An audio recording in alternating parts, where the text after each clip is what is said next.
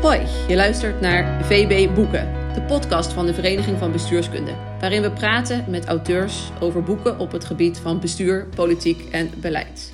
Vandaag spreek ik, Karin van Boetselaar, over de geschiedenis van de Europese Unie aan de hand van het boek Dit is Europa van Hendrik Vos. Een boek van bijna 600 pagina's. Het ziet eruit als zware kost en daar associëren we de EU misschien ook wel een beetje mee. Maar dit is een boek vol humor en met een hoog informatief gehalte. Beslist geen saai boek dus.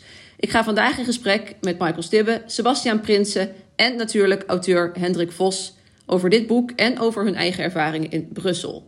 Doel van het gesprek is om zowel vanuit wetenschappelijk oogpunt als vanuit de praktijk te reflecteren op de geschiedenis van de EU en de positie van Nederland daarin. En we doen een poging om een beetje vooruit te blikken en om te voorspellen of de lessen uit het boek ook bruikbaar zijn in de toekomst. Hopelijk een gesprek met ook wat humor en luchtigheid hier en daar, want dat past bij dit boek. Maar eerst even mijn gesprekspartners. Ten eerste, Michael Stippe. Jij bent sinds 2021 plaatsvervangend permanente vertegenwoordiger in Brussel. En daarvoor was jij jarenlang de ambtelijke rechterhand van de minister-president op het dossier EU. En je hebt uh, op verschillende plekken bij het ministerie van Buitenlandse Zaken gezeten. Hartelijk welkom. Uh, Sebastian Prinsen, ten tweede, is universitair hoofddocent in Utrecht op het gebied van bestuur en beleid in de Europese Unie. Sebastians onderzoek richt zich vooral op vraagstukken van internationaal en Europees bestuur en beleid. Leuk dat je er bent. En dan natuurlijk Hendrik Vos, de auteur van het boek waar we het vandaag over hebben. Uh, Hendrik Vos is verbonden aan de Universiteit Gent, waar hij ook directeur van het Centrum voor EU Studies is.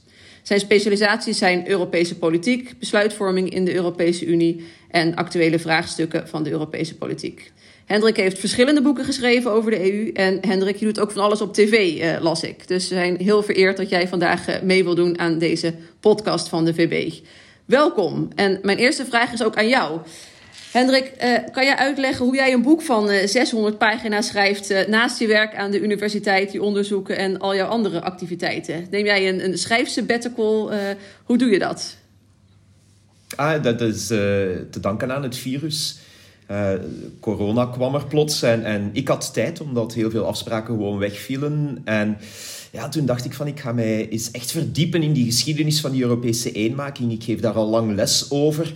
Maar hoe de dingen dan precies gelopen zijn, dat, ja, dat, dat, bleef voor mij toch ook altijd wel ergens een mysterie. Ik heb heel lang gedacht van die Europese Unie zoals we die vandaag kennen. Ja, dat was iets dat bijna onvermijdelijk was. Zodat na de Tweede Wereldoorlog Frankrijk en Duitsland zouden beginnen samenwerken en dat dat zou beginnen met kolen en stalen. Dat dan van het ene het andere zou komen. Het ene verdrag zou volgen op het andere, dat dat ja, bijna in, in de sterren geschreven stond, dat die bedding er op een of andere manier lag. En ja, dat, dat het een kwestie was van het in te vullen, maar dat het, ja, dat het ergens wel in stenen tafelen gebeiteld stond dat we zouden belanden waar we nu zitten. En, en door mij dan echt meer in de, de details van die geschiedenis te gaan verdiepen. Door biografieën, memoires te lezen, naar oude filmpjes te kijken, oude documenten, oude kranten weer te gaan bekijken. Heb ik gemerkt dat het, ja, dat het vaak helemaal niet zo vanzelfsprekend was. Dat, dat het met ja, soms ook veel geluk en met toeval te maken had. Dat er natuurlijk wel altijd een paar diepere structurele trends spelen, maar dat ja, dat ook mensen echt wel die geschiedenis gemaakt hebben. En, en mensen in hun samenspel, mensen die elkaar graag zagen of net een hekel hadden aan elkaar. Mensen die uh, ja, voor elkaar door het vuur durfden gaan of net helemaal niet. En, en die elkaar ook konden ja, op een of andere manier bevruchten met ideeën waar ze dan vol voor gingen. Of helemaal niet. En, en, en dat zijn de momenten waarop geschiedenis kantelt. En, en waarop dat ja, de dingen in, in ja, de, de puzzelstukken op hun plek vallen. En vaak had het ook anders kunnen gebeuren. Hey, zou je ook zeggen dat dat nou je belangrijkste inzicht was in dat boek? Dat het, uh, dat het dus geen vooropgezet plan was, maar, maar een aaneenschakeling eigenlijk van toevalligheden? Is dat ook jouw, jouw grootste nou ja, boodschap weet je, die je wil meegeven? Ja, er, zijn al, er zijn altijd heel veel plannen geweest. Um, maar welk plan het uiteindelijk zou halen en, en hoe afgezwakt het zou worden, of hoe het op een bepaald moment in de loop van de geschiedenis er plots een, een, moment is waarop je een plan echt kan realiseren, dat hangt ook af van, ja, van, van lef, van politiek doorzicht soms ook van ja, opnieuw dat samenspel tussen mensen. En, en dat is iets wat je op voorhand ja, soms heel moeilijk kan voorspellen. Waarom is het in de jaren 50 niet gelukt om een Europese defensie uit te bouwen, terwijl dat de plannen er waren en, en heel concreet waren? Hè? De, er is in de jaren 50 een, een, een idee dat, dat vorm gekregen heeft om naar een Europees leger te gaan. En dat was klaar. De, de regeringen van zes landen hebben dat ook plechtig ondertekend. Uh, zelfs de uniformen waren er. Er is een modeshow geweest waar de uniformen voor het Europese leger getoond zijn. Er was een uniform voor de strijd, er was een uniform voor parades. Enfin, tot in de kleinste details was het uitgewerkt. En finaal, over de allerlaatste horde, is het plan gestruikeld in, in, in de Franse Assemblée. Terwijl de Franse regering het eerder wel ondertekend had. Het had ook anders kunnen lopen. En had je een premier gehad die misschien wat meer... Uh, ja, wat meer slagkracht of wat meer overtuigingskracht had gehad, of, of had de stemming in het Franse parlement misschien iets vroeger georganiseerd geweest, dan, ja, dan, dan hadden we toen een Europees leger opgericht. Ehm, het, het, hangt soms van een aantal kleinigheden af hoe dat uiteindelijk de geschiedenis zijn, zijn loop zal kennen. Herken je dat, Sebastiaan, ook? Ja, uh, voor een groot deel wel. Ik denk dat het inderdaad een belangrijke les is van het boek. Hè. Er was geen vooropgezet plan. Het is ook niet volgens een vooropgezet plan verlopen. Er waren wel mensen die ideeën hadden over hoe het verder zou kunnen gaan. Uh, en in grote lijnen is, is misschien het idee dat Jean Monnet daarbij had ook wel, uh, ook wel waar geworden. Maar dat was niet iets dat hij zelf in de hand had. En dat had ook anders kunnen lopen. Maar tegelijkertijd denk ik dat je ook wel ziet, en dat, dat lees ik misschien ook wel in het boek, dat er toch ook wel een soort eigen logica ontstond binnen dat Europese proces, die op bepaalde momenten heel uh, dwingend kon zijn voor, uh, voor de politiek leiders. Omdat ze zich gecommitteerd hadden aan de samenwerking, en omdat die samenwerking op een aantal punten heel ver was gegaan, begonnen ze ook niet steeds met een blanco vel, waarbij ze als het ware opnieuw konden gaan bedenken, willen we dit nou nog wel of niet? Maar waarbij ze ook wel bepaalde stappen min of meer gedwongen moesten zetten om die samenwerking door te laten gaan dus ik denk dat het wat dat betreft, ehm, hoewel ik het helemaal eens ben met, met de kernboodschap van, van Hendrik, eh, dat er ook wel een soort eigen dynamiek is ontstaan, die soms leiders ook wel voor bepaalde voldongen feiten plaatsten. Uh, waar ze zich heel moeilijk nog aan konden onttrekken. En, en, en juist die wisselwerking, dat is denk ik wat, wat de geschiedenis van de Europese Unie kenmerkt. Ja, dus een soort wisselwerking tussen, tussen toevalligheden en, en een logica die erin geslopen was. Is dat ook in de praktijk zo, Michael? Merk jij dat? Nee, en daar ontstaat natuurlijk ook het beeld uh, van de fiets. Dus je moet blijven trappen, anders valt die fiets om en is het project uh, kapot. Uh, en tegelijkertijd is het natuurlijk zo dat de belangen inmiddels zo groot zijn.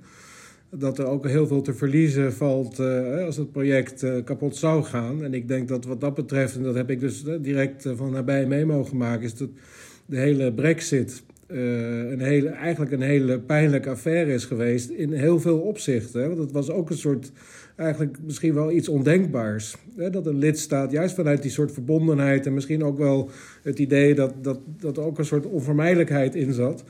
Dat een, groot en belangrijk land als Verenigd Koninkrijk uh, besloot om eruit te stappen, notabene na een referendum, hè, wat je dan toch op een bepaalde manier als heel democratisch zou kunnen bestempelen. Dat was natuurlijk een schok. Uh, en tegelijkertijd wat je ook zag, is dat dat ook heel veel krachten losmaakte in de Europese Unie om die samenwerking als het ware nog steviger aan te gaan. En, en de losverbondenheid was eventjes heel duidelijk aanwezig, omdat men toch zag, alles afwegend, rationeel, maar ook emotioneel, dat bij die club horen toch een stuk meer waard was dan misschien sommigen, met name op de nationale bühne, wel eens deden voorkomen. En dat is wel iets wat ik van heel dichtbij heb ervaren. En over personen en structuren. Ik denk dat het is allebei een beetje waar. Hè? Dat ik denk dat we niet moeten onderschatten hoe belangrijk de rol van de Europese Commissie is. En dat zit er met name in de, soort, de dagelijkse onderhoud hè, van het project. maar ook in, in de grote lijnen vormgeven. Als je nu kijkt naar het klimaatbeleid, het digitale beleid, voor een deel ook gewoon de invulling van, onze, van ons antwoord op de Oekraïne-crisis. Dan moet je toch wel heel veel uh, krediet geven aan de commissie, die toch die lidstaten eigenlijk bij elkaar brengt in een gemeenschappelijk plan en dat ook tot uitvoering kan brengen. En dat is iets wat denk ik geen enkele lidstaat in zijn eentje zou, zou kunnen doen. Uh, met die, zeg maar, die, die slagkrachten die wij met z'n allen als Europa kunnen opbrengen. Dus in die zin zit er natuurlijk niet zozeer een plan in als dat je dat eh, tien jaar van tevoren kan voorspellen. Maar er zit wel een hele duidelijk strenge, strakke structuur in die keuken. Uh, en dat is de commissie. Ik denk dat dat, die moeten dat niet onderschatten, want ik zie het hier dagelijks. En het is echt, uh, nou dat, dat initiatiefrecht, hè, het recht van initiatief, dat is denk ik een van de meest slimme uh, ja, ideeën geweest die vanaf het begin in het verdrag is opgenomen. Uh, waardoor eigenlijk een supranationale onderdeel van ons project uh, het alleenrecht heeft om met voorstellen te komen die voor alle lidstaten van toepassing zijn. Dat is geniaal. en ik zie het elke dag in de praktijk wat dat betekent. En dat is echt, denk ik, misschien wel een van de allerbelangrijkste, meer aan de structuurkant. Verklaringen waarom wij zijn waar we nu zijn. Ja, dus jij zegt eigenlijk, er zitten uh, zowel aan de, aan de structuurkant zijn er bepalende keuzes gemaakt als uh, bepalende momenten eigenlijk in het verloop van de tijd die hebben gevormd waar we nu staan. Ja, en, en, en daar komen, en dan ben ik het weer helemaal uh, met Hendrik eens. En ik vond het echt een plezier om, om je boek te lezen. Dan, dan komen dus de persoonlijkheden in het spel. Hè? Dus je hebt de structuur dat geeft eigenlijk een ondergrond en helpt de persoonlijkheden om als het ware invulling te geven aan hun politieke wens. Maar die persoonlijkheden zijn heel vaak op allerlei momenten heel bepalend geweest. En daar klopt het dat het dus ook heel anders had kunnen lopen. Ik, ik, ik, ik heb zelf als, als meest indrukwekkende persoon uh, in de afgelopen jaren de, uh, bondskanselier Merkel meegemaakt. Uh, zij heeft zo ongelooflijk veel betekend. En het is misschien niet eens zo dat zij nou de persoon was met de grote ideeën. Maar het feit dat door de eurocrisis, de migratiecrisis, de covid-crisis... dat er toch een, soort van uh, wil was om zeg maar, gezamenlijk vooruit te gaan... Uh, en die verschillen te overbruggen... dat is in grote mate aan, aan haar letterlijk persoonlijke inspanningen te, te danken soms als, uh, ja, hoe moet ik het zeggen, als, als, als uh, oliemannetje tussen de regeringsleiders om die groep maar bij elkaar te houden. Dat heeft ze echt, uh, ik denk dat we haar heel veel verschuldigd zijn. En misschien dat dat over 20, 30 jaar, als daar door historici goed onderzoek naar wordt gedaan, dat dat duidelijker wordt. Maar dat is ook een voorbeeld van zij heeft echt het verschil gemaakt. Ja, ja en, en het klopt ook wat, wat Sebastiaan dan zegt. Hè, van eens er dan een beslissing genomen is en je een bepaalde richting uitgaat dan, ja, dan, dan raken lidstaten op een of andere manier aan elkaar geklonterd in, in die uh, oplossing en in die aanpak van een probleem. En dan zomaar terugkeren op de stappen die je gezet hebt, terugkeren naar het witte blad, daar hangt een prijs aan vast die gewoon te hoog is. Dus je, eens je een pad gekozen hebt, bewandel je die weg verder en bouw je verder op, op de, de stappen die eerder soms met onvoldoende informatie of, of soms met, ja, het is een beetje een sprong in het ongewisse, maar, maar je hebt een aantal stappen gezet en, en, en daar moet je dan verder op bouwen. En, en zo krijgt die geschiedenis geleidelijk aan zijn, uh, ja, zijn invulling. Hey Hendrik, jij... Ja, het is een, het is, ik wil één ding hierover zeggen, want het is wel heel belangrijk, want het is ook in deze tijd heel belangrijk. En dat het is ook het is een kracht en tegelijkertijd ook een Achilleshiel. Want als het niet wordt begeleid door, door politici die als het ware de zingeving uh, duidelijk maken, dan kan het natuurlijk ook heel erg tegen dit project worden gebruikt. En dat zie je natuurlijk in populistische kringen veel gebeuren. die soort onvermijdelijkheid over ons, zonder ons, uh, dat soort beelden, die worden natuurlijk deels gevoed door het feit dat het lijkt alsof er gewoon geen ruimte meer is om iets anders te kiezen. Ja, dan ga je dus een bepaald pad op. En Hendrik, jij zegt net van uh, uh, lidstaten raken dan aan elkaar geklonterd eigenlijk. In, in je boek beschrijf je ook de, de relaties tussen een aantal van die politieke hoofdrolspelers en het belang daarvan. Dus, dus Mitterrand en Kool bijvoorbeeld. Uh, dat die relatie een hele grote stempel heeft gedrukt op, op, op de EU. Ehm, is het altijd die, die politiek van die hoofdrolspelers die echt vormend is? Of zit er ook nog een andere laag aan vast? Soms wel. Soms zijn het ook rechters of ambtenaren of uh, ja, politici van het tweede plan die, die, die plots uh, van een bepaald moment gebruik kunnen maken om echt een stempel te drukken op de geschiedenis. De manier waarop dat ook het Europese Hof van Justitie op bepaalde momenten uh, dingen geïnterpreteerd heeft, maakte dat politici soms ook voor een voldongen feit stonden en, en ehm, ja, tot de vaststelling kwamen van oké, dan moeten we nu op die manier vooruit met die Europese eenmaking. Het, macht in de Europese Unie is iets wat, wat altijd heel vloeibaar is. Zo, je, hebt niet één centrum van macht, je hebt niet één speler. Het is niet dat de Duitse kanselier of de Franse president of het Europese parlement of uh, de christendemocraten of noem maar op, dat die altijd erin slagen om, om hun stempel te drukken op de gebeurtenissen.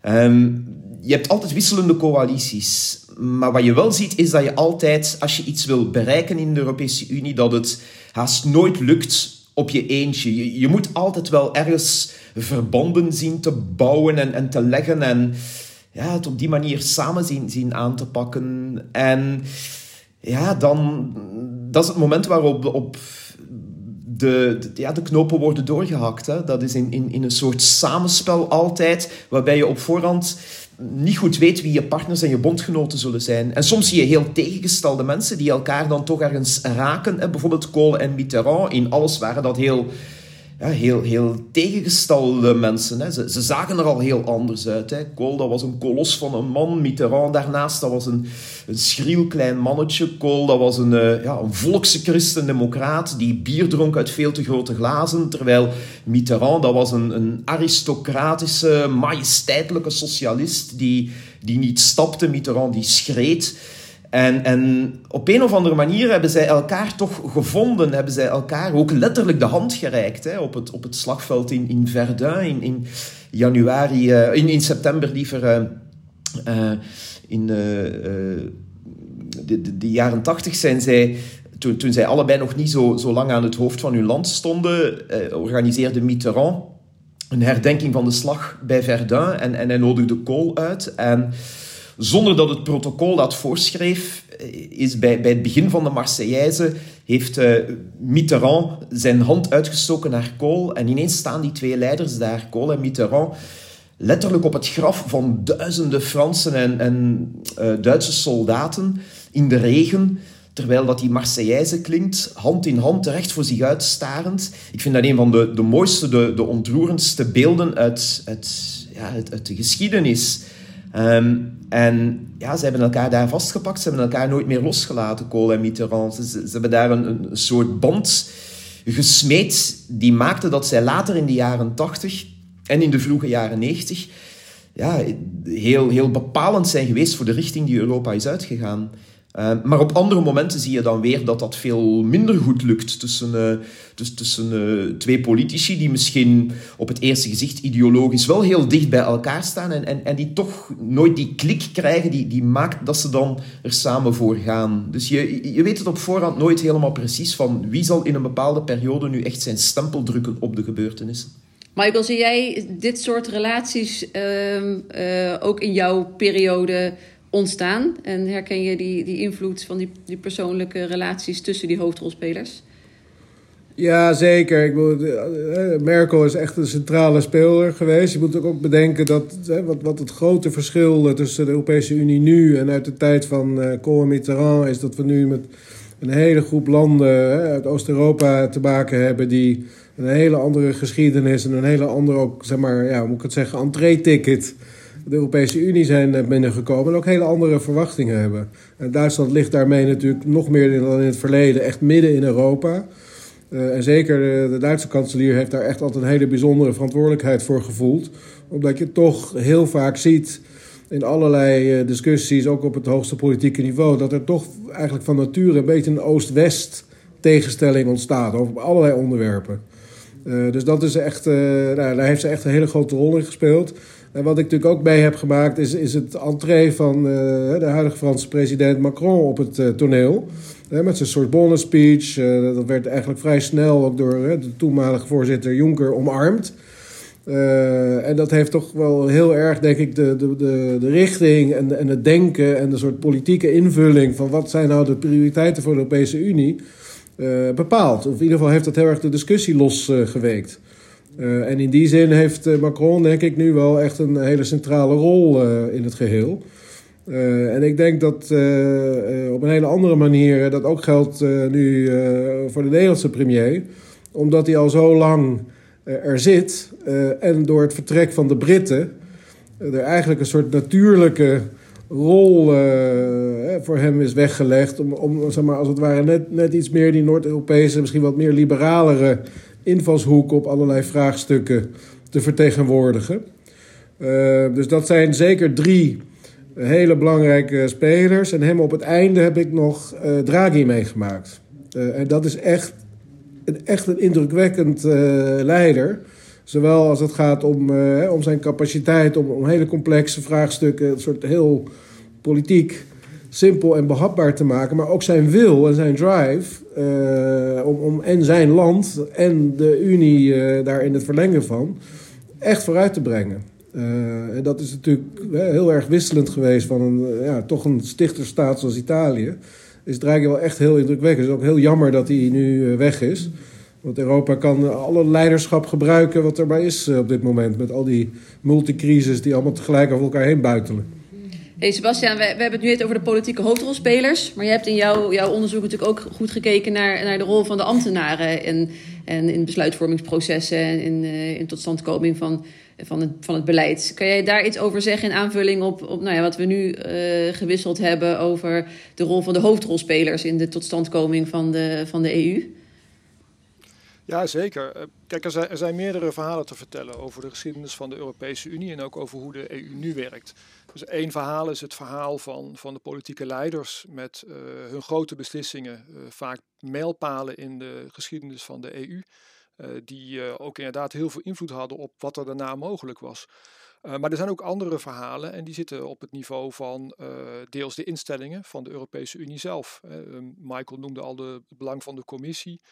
Um, um, het Europees Hof van Justitie heeft daar ook heel belangrijke uh, uh, beslissingen in genomen op bepaalde momenten. En dat zag je eigenlijk al helemaal aan het begin van, de, van het hele proces, uh, begin jaren 60, eind jaren 50. En toen kwamen er vragen op, waarbij bijvoorbeeld de vraag was van kan nou een bedrijf in een lidstaat, kan die zich nou rechtstreeks beroepen op de Europese verdragen? Um, en dat was niet vanzelfsprekend, omdat normaal gezien verdragen iets zijn dat, dat tussen staten wordt gesloten en alleen maar voor die staten zelf gold. Maar die vraag werd voorgelegd aan het Hof.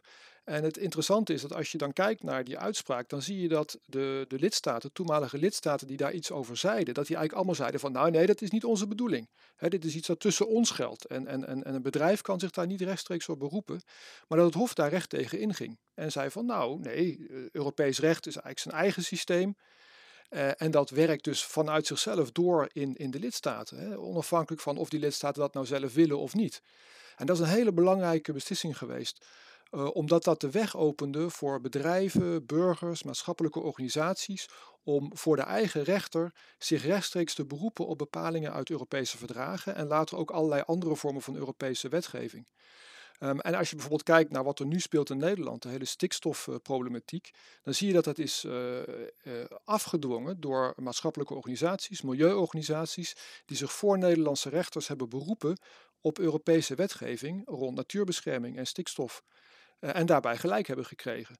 En dat heeft dus een heel systeem in het leven geroepen waarbij burgers, organisaties, bedrijven zelf een actieve rol kregen in het Europese proces. En dat is niet iets dat de lidstaten zo bedacht hadden, dat is iets dat het Hof van Justitie heeft besloten. En wat uiteindelijk dus ook deel is geworden van van hoe de EU nu werkt. Dus dat is een ander, ander soort verhaal, meer vanuit de Europese instellingen. En een derde lijn is dat je gaat kijken van ja, maar uh, wie, wie zit er nou eigenlijk achter al die verschillende vormen van beleid en al die besluiten die in Europa worden genomen. En als het dan gaat om de grote besluiten, als het gaat om de reacties op crisis, dan zijn inderdaad vaak de politieke leiders aan zet. Maar er zijn ook hele grote deel, delen van wat de EU doet, uh, die niet per se door hen zijn besloten of goedgekeurd. En een heel mooi voorbeeld is milieubeleid. Dat is vanaf begin jaren 70 ontstaan in de Europese Unie. In eerste instantie stond dat helemaal niet in de verdragen dat, dat dat kon, maar dat is toch gedaan op basis van allerlei andere dingen die de EU wel mocht doen. En dat is ondertussen een heel indrukwekkende hoeveelheid uh, wetgeving geworden, die heel bepalend is voor hoe er in, in Europese landen wordt omgegaan met water, met uh, lucht, uh, met stikstof ook weer.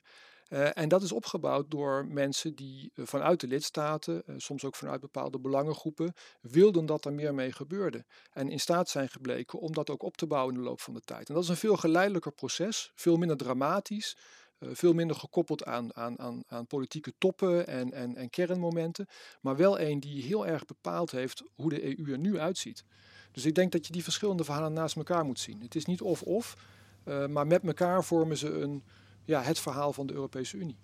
Ja, dat, dat, dat is helemaal juist. Omdat je hebt die, dramatische momenten waarop je soms wel eens doorbraken krijgt. Maar heel vaak zie je dat de dingen ook ja, wat onder de radar blijven, maar, maar daarom niet minder belangrijk zijn. En de, de Europese Unie van vandaag is iets heel anders dan dat ding dat in de jaren 50 vertrok met kolen en staal. En het is niet zo gemakkelijk om te zeggen van dit is het moment waarop het allemaal kantelde en veranderde. Er zijn zo wel een aantal momenten, maar heel vaak is het ja, wat, wat traag gegaan, maar daarom niet minder wezenlijk. En wie daar wel eens een verhaal over vertelde, was uh, Joseph Bech. En, en Joseph Bech, dat is een van de pioniers van de eenmaking.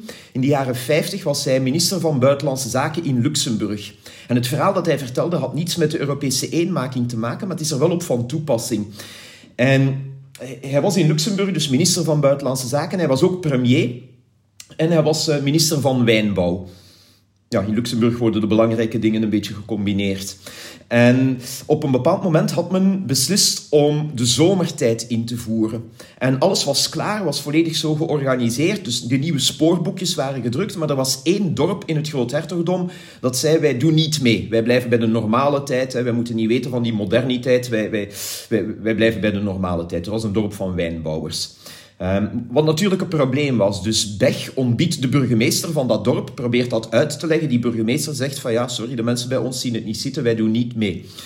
Bech gaat naar de gemeenteraad van dat dorp, probeert dat in het lang en in het breed uit te leggen en, en probeert die gemeenteraadsleden uh, ertoe te overhalen om ook de zomertijd in te voeren. De gemeenteraadsleden zeggen van ja, sorry, nee, we, zien het echt niet zitten, wij doen het niet. Dus Bech zit in zak en as, zit met een probleem, verlaat die gemeenteraad. En dan komt de dorpspastoor bij Bech en die zegt van, geef mij wat tijd, ik zal zien wat ik kan doen. Dus Bech terug naar Luxemburg en een paar weken nadien staat die pastoor bij hem in het kantoor en zegt van, het is in orde. Uh, ons dorp zit nu ook in de zomertijd. Waarop Bech vraagt van, hoe heb je dat gedaan? Waarop die pastoor zegt van, eigenlijk was dat eenvoudig. De dag nadat jij bij ons uit het dorp vertrokken bent, heb ik mijn kerkklok vijf minuten vooruit gezet. Er is niemand die dat in de gaten had. Een paar dagen nadien heb ik die weer vijf minuten vooruitgezet. Een paar mensen die zeiden van, tja, mijn horloge, maar, maar, maar niemand eh, viel het eigenlijk op. En intussen hebben we het hele uur overbrugd. En, en dat is een manier waarop het in Europa ook vaak gaat. Je hebt, je hebt niet eens door dat er iets verandert, maar als je al die kleine veranderingen optelt, waar mensen zich soms aan ergeren van ja, er gebeurt niets, er gebeurt niets, maar, maar ja, ineens merk je wel van ja, we zitten intussen wel in een heel andere wereld. En, en, en er is wel iets wezenlijk veranderd. Ook al gebeurde het met, ja, met vaak hele kleine stapjes, zoals wij in Vlaanderen zeggen, als stoemelings, zo'n beetje onder de radar, zonder dat iemand het, het goed en wel in de gaten heeft.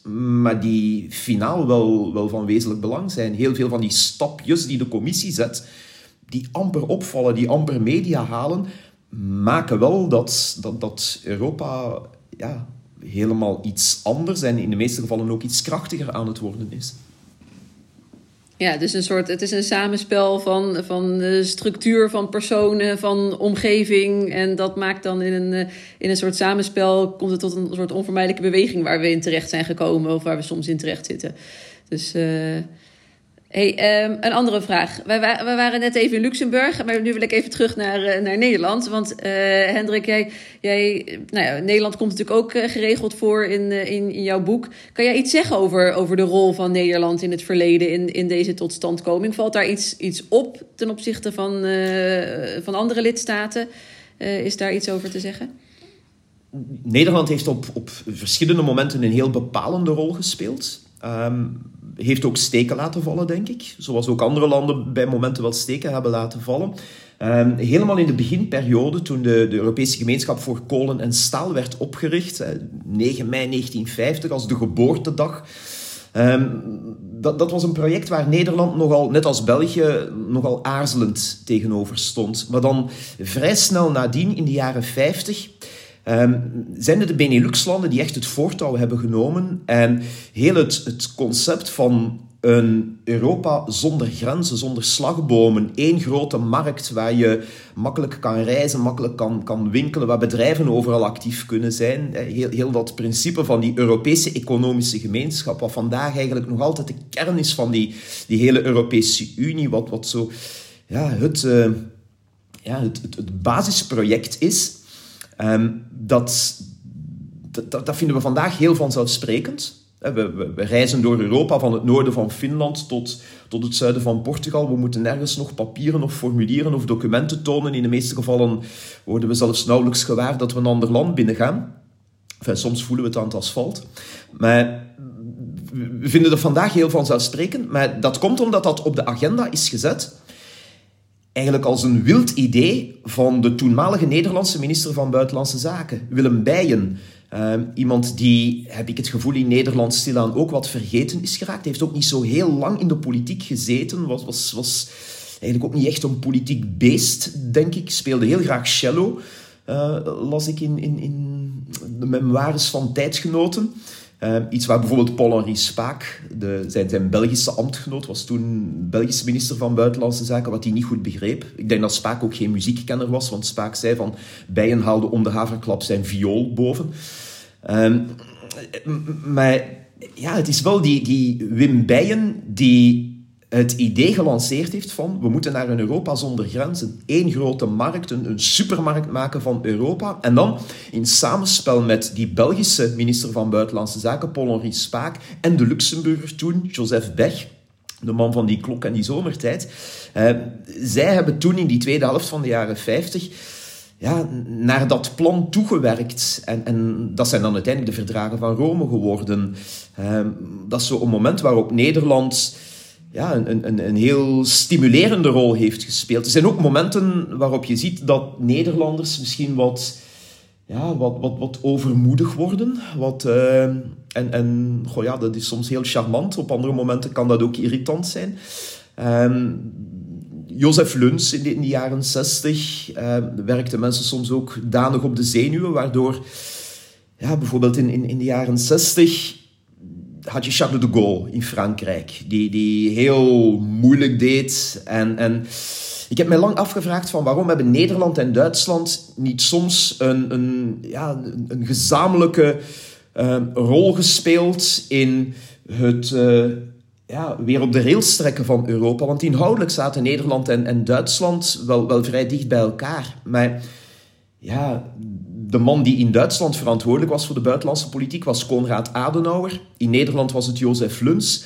En, en zij hadden gewoon een hekel aan elkaar. Zij konden elkaar niet, niet, niet, zien. Uh, Adenauer, er zijn een aantal archieven opengegaan intussen, waarin dat onder andere een, een, een conversatie staat van Adenauer met een Italiaanse ambassadeur waarbij Adenauer zegt van die, die Luns, dat is de meest ergerlijke man die ik ooit ontmoet heb. Dat, ik, um, dat, dat, dat, is een gruwelijke man. Als ik, als ik tandpijn heb, als, ik, uh, als alles mij tegenzit, als, als de pers zich tegen mij keert, dan troost ik mij met één gedachte. Er is in heel de wereld tenminste één mens die het nog slechter getroffen heeft dan ik. Dat is mevrouw Luns. Um, aan, aan, aan, dat soort van dingen voel je van die, die twee mochten elkaar niet. En, en dan lukte het ook niet om, om dingen samen op de rails te zetten. Ook Ruud Lubbers uh, later zal op een bepaald moment ook ja, de, de Duitsers op de zenuwen werken, de Belgen op de zenuwen werken. En ja, zal, zal Nederland wat, wat meer naar de marge uh, manoeuvreren. Omdat ja, op het moment dat je, dat je geen grote partnerschappen meer hebt ga je ook niks kunnen forceren in, in Europa. Um, op het moment dat in, in Nederland de stemming eurosceptischer werd, en ik denk dat de dood of de moord op Pim Fortuyn daar wel een, een kantelmoment in is, zie je dat, ja, dat Nederland ook er moeilijk in slaagt om, om nog op de dingen te wegen. Maar ja, op andere momenten kantelt het dan weer. Als, als Mark Rutte naar een Europese top gaat en hij zegt van ik ga mij hier afzijdig houden. Ik heb de memoires van uh, Chopin bij, was het, dat, dat hij op een bepaald moment zei. Ja, dan, dan maak je je niet geliefd. Ik, ik denk niet dat dat een slimme strategie is. Van zodra dat je weer de banden met andere landen naar allianties gaat zoeken, ja, dan kan je wel weer boven je gewichtsklasse spelen. En, en, en daar is Nederland bij momenten heel goed in geslaagd. Uh, dus het, ja, Nederland in, in de Europese Unie is een wat wisselend beeld, denk ik. Herken je dat, Michael, ook in de praktijk? Ja, nou, ik, ik, wat ik zeg maar, natuurlijk in de dagelijkse praktijk nu zie en, en ook in het verleden heb gezien, is dat wij, we zijn een klein land en in die zin, dat is net zoals België, net zoals als Luxemburg, wij zijn in, in de kern zijn wij natuurlijk gewend om, om coalities te smeden en, en te werken met anderen. Dus als we in die kracht zitten, zijn we heel effectief. Uh, maar we hebben, en dat is, ik, hè, dat is misschien ook een beetje de volksaard, uh, zeg ik uh, hier. Ik, ik, merk dat op het moment dat geld een rol speelt, dat, dat is natuurlijk heel erg stereotyp. Maar heel, zo vaak met stereotypen zit er ergens altijd een kern van waarheid in. Dan merk ik gewoon dat daar al heel snel de hakken in het zand gaan. Uh, en dat wordt natuurlijk in Europa slecht begrepen. Dat begrijp ik natuurlijk heel goed. Hè? Dat is vanuit mijn rol goed te begrijpen. Maar ik stel tegelijkertijd vast dat in Nederland onder de bevolking en in het parlement er eigenlijk gewoon bijna een soort unisono, bijna, nou, laten we op een heel hoog getal noemen, 80% steun en begrip is voor het feit dat wij dit soort dingen gewoon niet gaan doen. Uh, dus dat is, hè, de, elk land heeft zo zijn eigenaardigheden. Uh, en dit is er eentje die, die ja, vind ik wel heel erg opvallend is. Dat dat wel toch wel heel erg bij Nederland past. Is het anders dan in, uh, in België, Hendrik, voor jouw gevoel? Um, ja, en, en dat, dat heeft tussen budgetkwesties, centenkwesties hebben tussen België en Nederland wel vaker een, een ja, een, een, een, een, wieg gedreven. Uh, ook het feit dat, dat, dat, Nederland op bepaalde momenten ja, toch wat dichter bij de Britten ging aanleunen.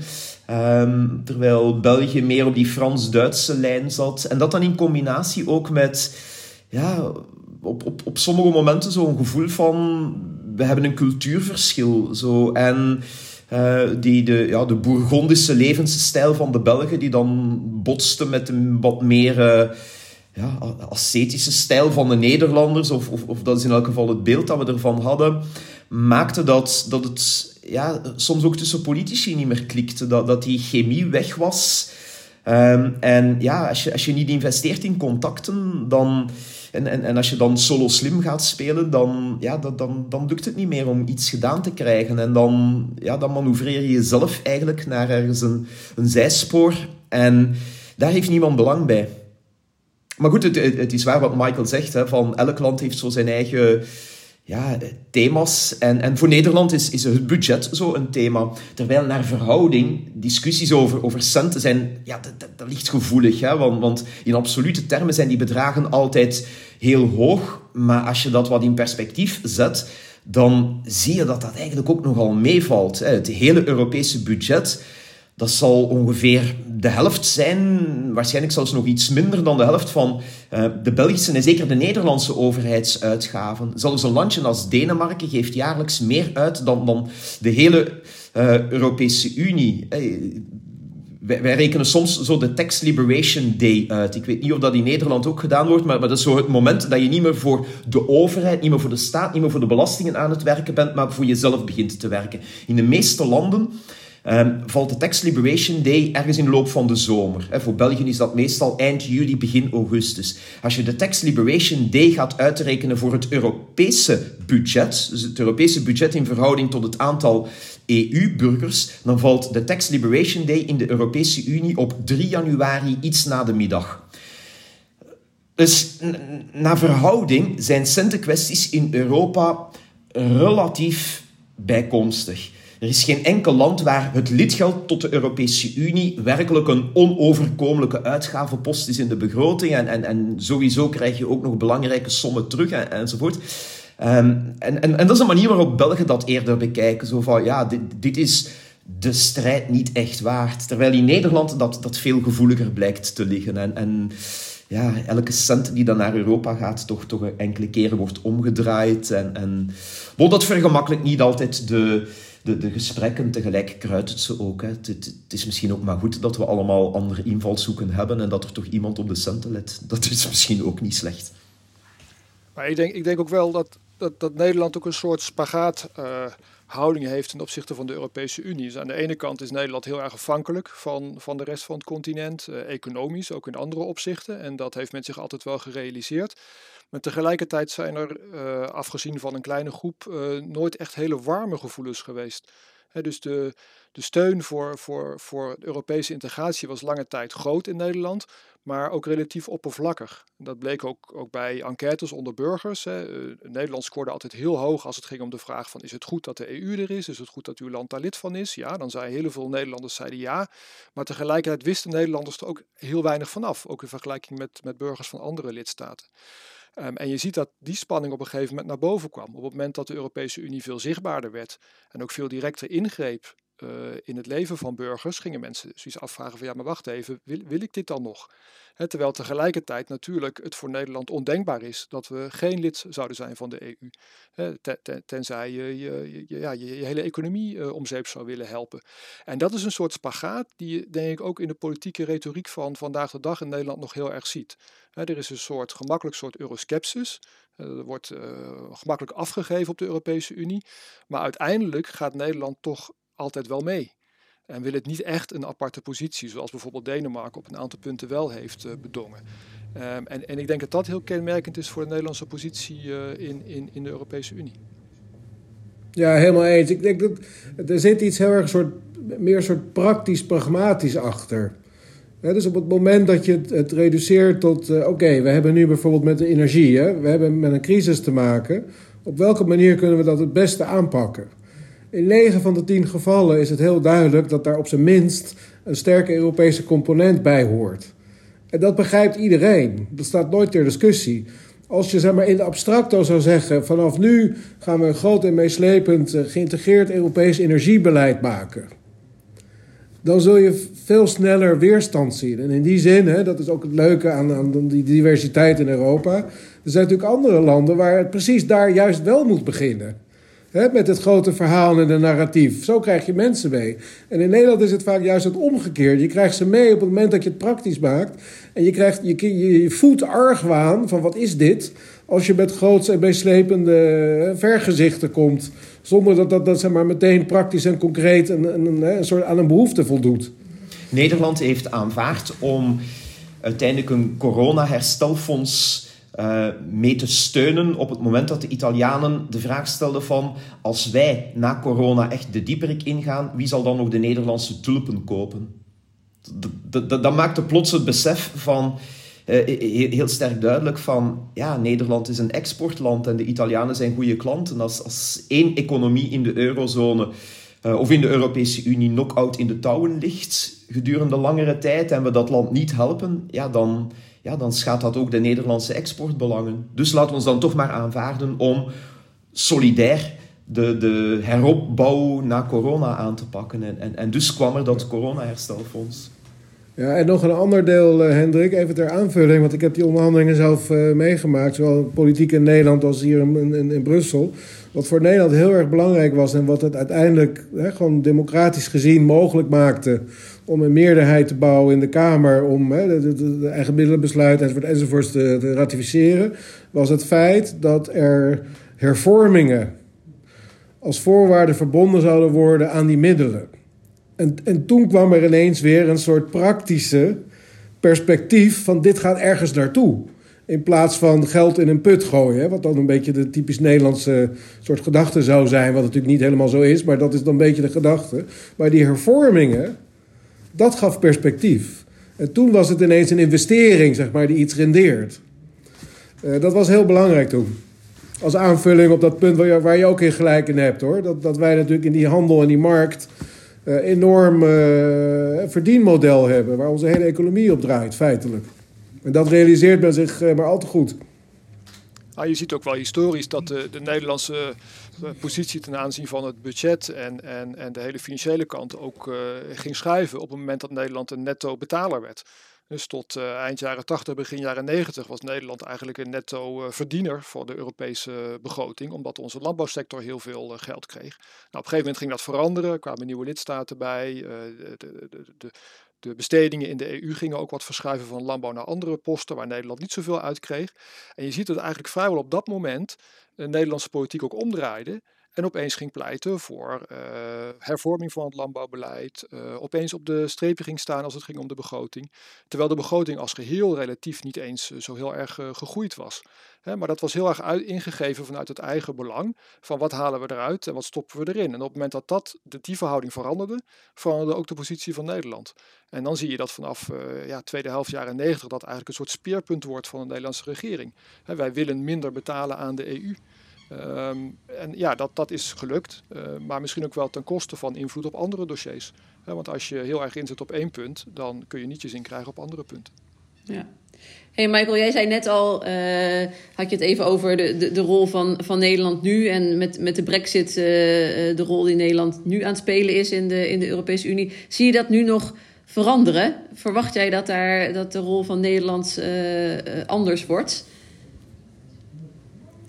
Ja, ik denk dat die al anders is. Maar ook weer even een soort gezonde dosis realisme. Wij zijn geen Verenigd Koninkrijk en we zullen het ook nooit worden. En politiek en, en deels ook gewoon inhoudelijk zijn wij nooit een Verenigd Koninkrijk geweest. En daarnaast is het Verenigd Koninkrijk een groot land.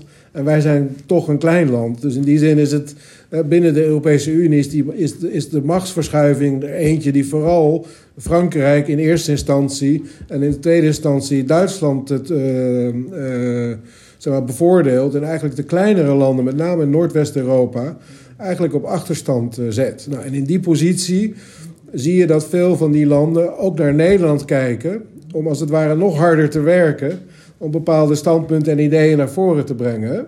Dus in die zin is die rol veranderd. Het is natuurlijk ook wel verbonden aan het feit dat er toevalligerwijs een minister-president is die al heel lang uh, in zijn ambt is. Dus ik denk dat we na verkiezingen ooit, als er een andere minister-president zou zijn, dat dat voor Nederland wel echt zou betekenen dat we toch aan invloed uh, inboeten. Uh, en misschien is die rol dan wat minder prominent verhoudingsgewijs hè, dan dat die nu is. maar in de soort krachtenverhoudingen is die rol anders, maar ik denk verzwakt. Als het gaat om waar Nederland vandaan komt.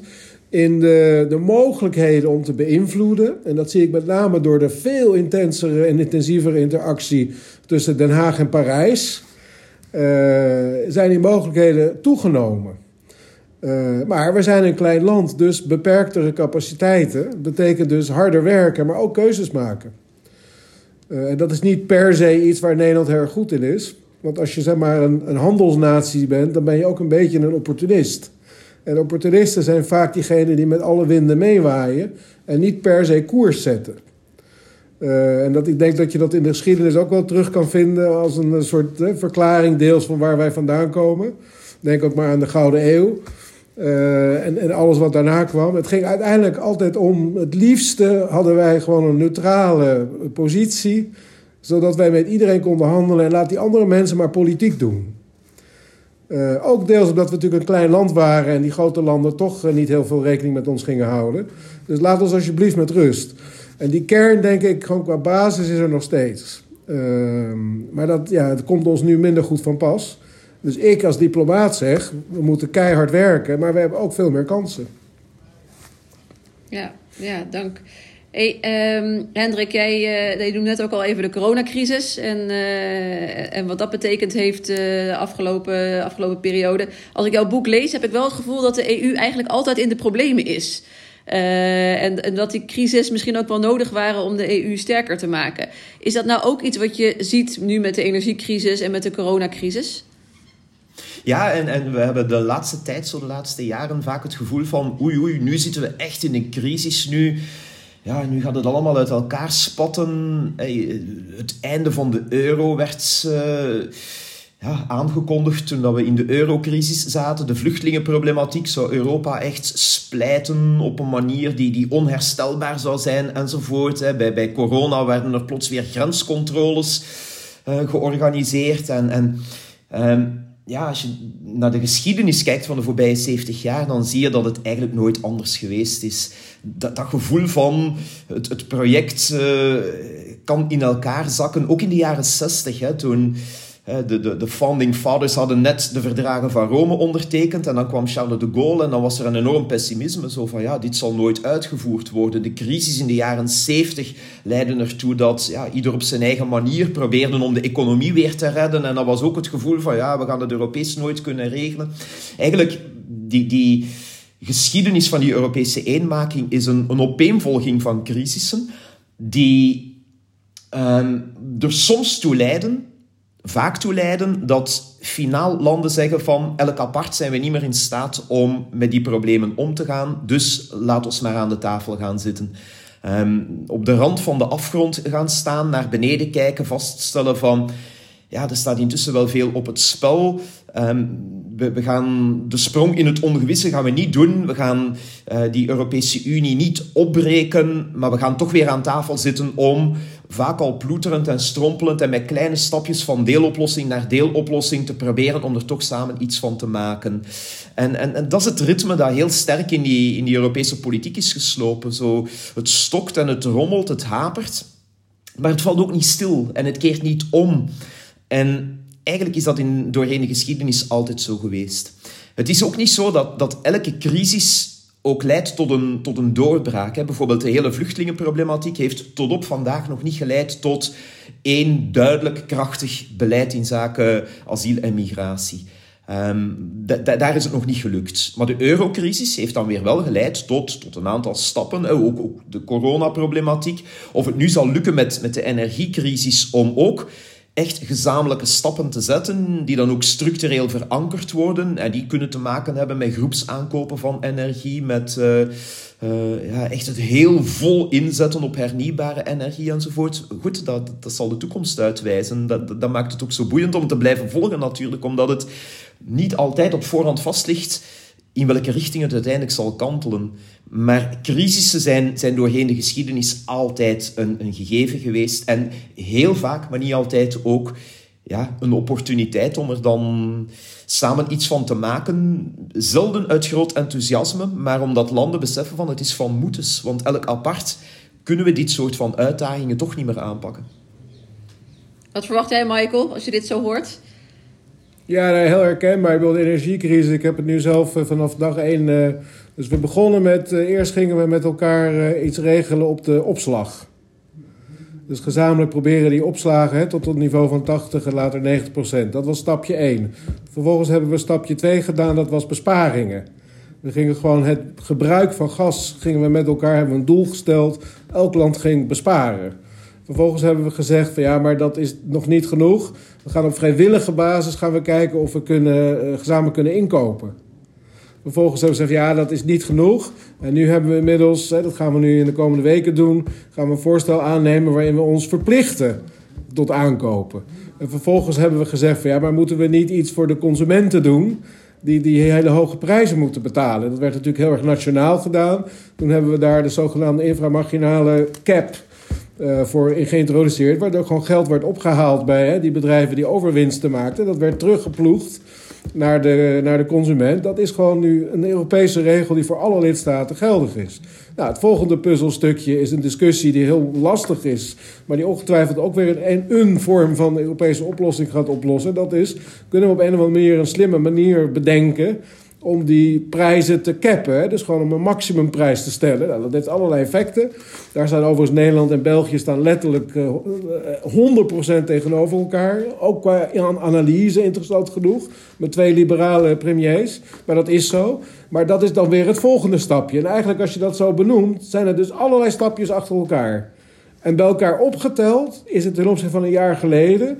is dit feitelijk de geboorte van een Europese energiepolitiek. Ja, dus het is... En daar heeft niemand iets over geschreven of bedacht... of geen groot meeslepend plan. Maar het is feitelijk gewoon in reactie op crisis... hebben wij gewoon de basis gelegd... voor wat in de komende jaren ongetwijfeld hè, verbeterd, verfijnd... Uh, en dat wordt dan eigenlijk technisch gedaan. En waarschijnlijk zal er geen haan meer naar kraaien als die prijzenproblematiek voorbij is. Maar ondertussen gaat dat dus gewoon een Europees energiebeleid opleveren. Het is in het klein eigenlijk een voorbeeld van wat Hendrik in zijn boek in het groot heeft beschreven. Van, van kleine stapjes die een beweging in gang zetten. Waar je een samenspel hebt van hoofdrolspelers, uh, instellingen en omgeving die tot, een, uh, tot iets leiden. Ja, mooi. Hendrik, ik wil jou ook nog even vragen. Wat ik heel opvallend vond aan, aan, het, aan het boek is dat, uh, dat jij zo ontzettend veel anekdotes erin hebt weten te stoppen. En we hebben er nu in dit gesprek ook een, een aantal gehoord. Hoe, hoe kom je hier nou aan? Waar, waar heb je deze gevonden? Hoe doe je dat? Hoe ga jij te werk? ja, biografieën en memoires lezen. Mensen die hun eigen verhaal vertellen, die, die naast elkaar leggen en op die manier proberen dan in combinatie ook met oude kranten, uh, oude filmpjes, uh, die je vaak nog ergens in uh, vergeten hoeken op het internet kan terugvinden, soms ook van de jaren 50, de jaren 60. En ja, eigenlijk al die, die losse sprokkels naast elkaar leggen en, en dan vaststellen dat iedereen zo zijn eigen kijk heeft op, op die eenmaking en ja, ook, ook, ook zijn eigen bijdrage eraan geleverd heeft. En, en dat maakte dat, ja, dat de puzzel gevallen is zoals ze gevallen is. Hey, en welke, heb je nou één anekdote waarvan je denkt, daar was ik echt heel erg trots op toen ik die gevonden had, dat je daar, uh, nou ja, je dacht, dit is hem? Oh, dat, dat, dat, is een moeilijke vraag. Zo van, maar, maar, ja, hoe, hoe de verstandhouding tussen mensen soms werkt. Ik had het daar net al over Luns en Adenauer. En dan vind je ergens in diplomatieke documenten terug hoe Adenauer dan spreekt over Luns. En, en hoe een, wat voor een hekel dat hij had aan die man. Um, maar ja, ook de momenten zo waarop dat Uh, Helmoet Kool bijvoorbeeld, in, net na de val van de muur, in woede uitbarst op het moment dat Ruud Lubbers probeert te zeggen van ja, de hereniging van Duitsland, willen we dat wel? Is dat op grond van de geschiedenis wel een goede zaak als er weer een groot Duitsland komt en, en straks misschien ook weer een krachtig Duits leger en wat met de Duitsstaligen in andere landen en, en zo een aantal verwijzingen naar het, uh, naar, naar het nazisme zonder het zo te noemen wat in Duitsland uiteraard nogal gevoelig ligt. En, en dan Helmoet Kool, die dan in woede uitbarst. Uh, andere mensen die in de zaal zaten, die, uh, of in het salon, want het was in een salon in een, uh, in een paleis in Straatsburg. Die dan zeiden van dat, dat, dat was alsof een, een vulkaan eerst begon te beven en, en dan plots uitbarsten. En, en ja, dat, dat, dat, dat was een gebulder. En, en Um, wat ertoe leidt dat het tussen, tussen Lubbers en, en Kool ook nooit meer is goedgekomen. Toen Lubbers dan wat later kandidaat commissievoorzitter was, heeft dan ja, in een van de oude paleizen van keizerin Sissi op Corfu, in uh, een van de Griekse eilanden, geleid ook tot een, tot een politieke thriller, waarbij dat Jean-Luc Dehaene, een Belgische christendemocraat, dan ook kandidaat was. En, en dan een hele strijd waarbij dat ze dan uiteindelijk geen van beiden het gehaald hebben. Waarna dan een Luxemburgse premier, uh, Jacques Santerre, commissievoorzitter is geworden, die ja, ongetwijfeld een goede man was, uh, ook liefhebber van witte wijn. Jacques Sancerre werd hij genoemd. Uh, maar, maar nooit echt potten gebroken heeft. En, en, en ja, hoe dan zo in, in, in dat samenspel uiteindelijk die, die, die geschiedenis uh, gemaakt werd. En hoe ja, de verhoudingen tussen mensen vaak toch wel heel, heel bepalend zijn, zijn geweest. Ja, mooi. Michael, heb jij nou zelf ook een, uh, iets meegemaakt waarvan je denkt, want dat had ook in dit boek kunnen passen? Nou ja, wat, wat, hè, als ik het heb over anekdotes, hoe die, hoe die Turkije-deal tot stand is gekomen voor migratie. Hè? Dat is ook echt, als je het hebt over personen. Dus er was natuurlijk heel veel hè, diplomatiek. Wij waren toen voorzitter van de Europese Unie, dus waar we heel erg nauw bij betrokken om te proberen dat op te lossen. Maar het moment dat Davutoglu, dus de Turkse premier, die landt in Brussel op zondag in de middag, of eigenlijk vroege avond. En uh, premier Rutte en bondskanselier Merkel die waren naar de uh, Turkse uh, vertegenwoordiger bij de Europese Unie gegaan om hem daar even te ontmoeten. Want hij zou de volgende dag met de Europese Raad, hè, met de regeringsleiders spreken. En toen ze daar zaten en hij kwam binnen, toen wilde hij dus apart met hun spreken. En een uur later kwamen Rutte dan bij de Nederlanders en Merkel bij haar Duitse adviseurs. En Davutoglu had een plan op tafel gelegd die aan de ene kant omarmde wat wij eigenlijk van Turkije vroegen, maar aan de andere kant letterlijk alle wensen die Turkije ooit had gehad met betrekking tot de Europese Unie, uh, daar tegenover stelde. En dat was het begin van de Turkije-deal. En dat kwam dus eigenlijk, dat heeft Davutoglu zelf uh, onderweg in het vliegtuig naar Brussel bedacht dat hij dat zo uh, op tafel ging leggen. Nou, en de rest is geschiedenis, maar je ziet dus dat die wending want wij hadden al maandenlang, hè, waren we bezig om te proberen met die Turken een stapje verder te komen. Dat ging heel moeizaam. Bam! En daar was de opening. Dus dat vind ik een mooi voorbeeld van hoe personen hè, op, een bepaald, ja, op een beslissend moment een verschil maken. Ja. Ja, prachtig. Past ook mooi in, uh, in eigenlijk wat de lijn die we in dit gesprek hebben gehad over uh, nou ja, de rol van, uh, van hoofdrolspelers en, en, en alles daaromheen. Dus ja, dank. Um, Misschien uh, afsluitend. Uh, het is een, een, een, heel dik boek van, van 600 pagina's. Maar er zijn ongetwijfeld luisteraars die na het lezen van het boek nog meer willen weten of nog meer interesse hebben in dit onderwerp. ik wil jullie alle drie even vragen: hebben jullie nog, nog lees- of luistertips of kijktips om, om mee te geven rondom dit, rondom dit onderwerp? Sebastian, mag ik met jou beginnen? Ja, zeker. Uh, ja, beginnen met het boek van Hendrik lijkt me een heel goed idee. Uh, het is echt fantastisch om te lezen en het geeft een heel mooi beeld van, uh, van hoe dat proces gelopen is en van de hoofdrolspelers daarin. Um, daarna zijn er ook andere boeken die, die heel erg de moeite waard zijn. wat ik zelf nog steeds een heel mooi boek vind is van Mathieu Segers, Reis naar het continent. waarin hij de verhouding van Nederland tot de Europese Unie schetst in de loop van, van de decennia. Uh, een hele mooie, uh, diepgaande analyse van die, uh, van die verhouding. en daarmee ook van, van de hele Europese integratie. En vanuit een heel ander perspectief, boek van Joep Leersen, een cultuurwetenschapper uit Amsterdam. Die heeft een boek geschreven, Spiegelpaleis Europa. Um, en dat gaat over het beeld van Europa. Van wat hebben mensen nou in de loop van de tijd verstaan onder Europa? En wat is er nou eigenlijk Europees aan Europa? Uh, en dat is ook een, uh, een boek dat, uh, ja, zeker voor mensen die normaal gezien meer kijken naar de politieke of bestuurlijke kant van, van de Europese Unie, ook weer hele nieuwe inzichten kan geven. Dus die twee boeken zou ik zeker aanbevelen. Dank. Michael, jij? Ja, nou als, als je gewoon het dagelijkse ritme, want de kleine dingetjes en de grote dingetjes, ik zou gewoon me abonneren op, dat is gewoon gratis, op Politico. Dat is gewoon de manier. En het, is, zijn ook petit histoires en, en soms feitelijke dingen, maar soms ook grote dingen. Als je een heel klein beetje gevoel wil krijgen voor wat hier, wat ik dan noem de Brusselse bubbel, hè, waar de, al die instellingen en al die mensen proberen elke dag een stapje vooruit, soms twee stapjes achteruit enzovoort, dan moet je dat doen. En waar ik zelf heel veel aan heb gehad, uh, ik ben zelf historicus en econoom tegelijkertijd. Wat ik heel erg heb gewaardeerd als een, als een soort inzicht in waar komen zoveel van die verhalen vandaan en waarom. En dat is natuurlijk, mensen zijn geworteld in cultuur en traditie en in geschiedenis. Lees de boeken van Geert Bak over uh, zijn reizen door Europa. Het geeft je, dat gaat niet over de Europese Unie, maar de Europese Unie is natuurlijk mensen uh, en landen uh, en geschiedenis. En als je dat leest, dan, en hij doet dat vind ik op een hele toegankelijke manier dan krijg je echt een goed beeld van uh, waar heel veel ja, mensen toch vandaan komen en waar ze in ge geworteld zijn.